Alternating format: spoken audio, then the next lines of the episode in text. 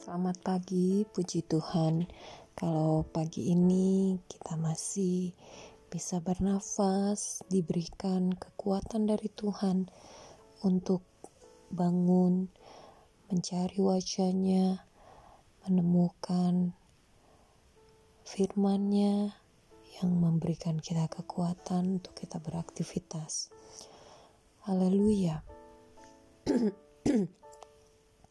Kalau pada saat ini saya bersyukur kepada Tuhan karena diingatkan kembali betapa banyak orang yang kembali kepada hidup lama mereka karena satu hati yang kecewa.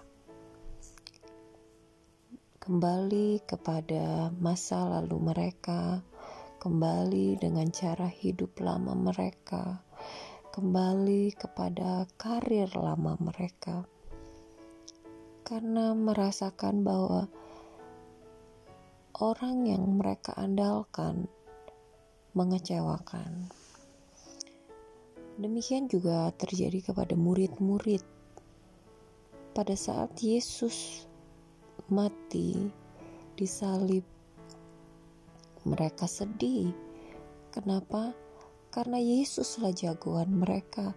Yesuslah yang selalu memberikan apa yang menjadi keperluan mereka. Namun tiba-tiba dalam satu waktu mereka harus kehilangan orang yang dapat mereka andalkan, orang yang dapat mereka harap. Sehingga murid-murid yang tadinya merasa tidak masalah meninggalkan karir ramah mereka, meninggalkan cara hidup mereka yang harus menjadi nelayan, mendapatkan ikan. Mereka merasa bersama Yesus, Yesus dapat buat mujizat, Yesus dapat memberikan apa yang mereka perlu.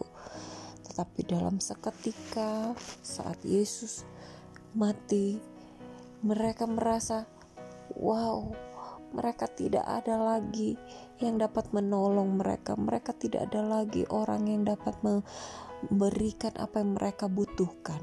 Mereka kecewa. Mereka kecewa.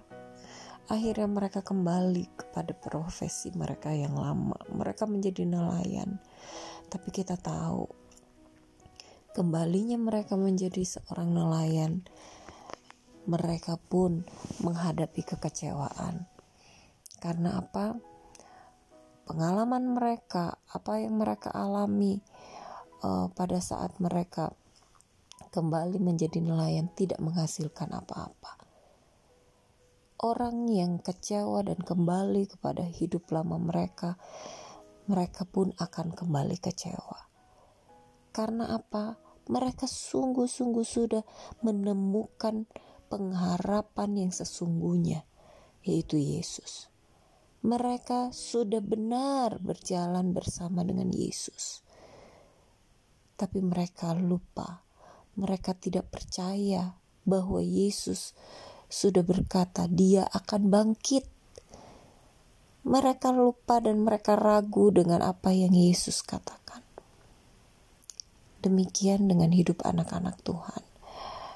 Jika kita lupa dengan firman yang sudah diberitakan, kita meninggalkan firman yang Tuhan berikan kepada kita dan kita ragu untuk melakukannya, kita juga tidak akan menghasilkan apa-apa. Karena sungguh hanya Yesuslah pengharapan itu. Hanya Yesus yang dapat menolong, hanya Yesus yang dapat memberikan apa yang kita perlukan kita terus harus berjalan di dalam kebenaran yang Tuhan inginkan. Kita lihat pada saat murid-murid bertemu Yesus di Danau Tiberias, Yesus berkata kepada murid-murid, "Tebarkanlah jalamu." Kita lihat apa yang terjadi. Mereka menangkap banyak ikan. Jika kita tetap di jalannya Tuhan, sekalipun Ya, sekalipun kita harus mengalami seketika penderitaan di mana kita harus merasakan sedih, harus merasakan kecewa. Tapi ingat jangan melepaskan pengharapan kita kepada Tuhan. Karena apa? Memang hanya dari firman-Nya, dari mulutnya Tuhan. Apa yang keluar dari mulutnya Tuhan, itulah yang menjadi berkat bagi kita sesungguhnya. Apa yang kita kerjakan di dunia ini akan menjadi sia-sia jika tidak di dalam Tuhan. Makanya apa pun yang mau kita kerjakan, apa pun yang mau kita lakukan, biarlah tetap di dalam Tuhan. Tuhan katakan, di luar aku, engkau tidak dapat berbuat apa-apa. Dan itu benar. Biarlah kita tetap di dalam Tuhan, kita tetap mengasihi Tuhan, kita tetap mau melakukan apa yang Tuhan suruh.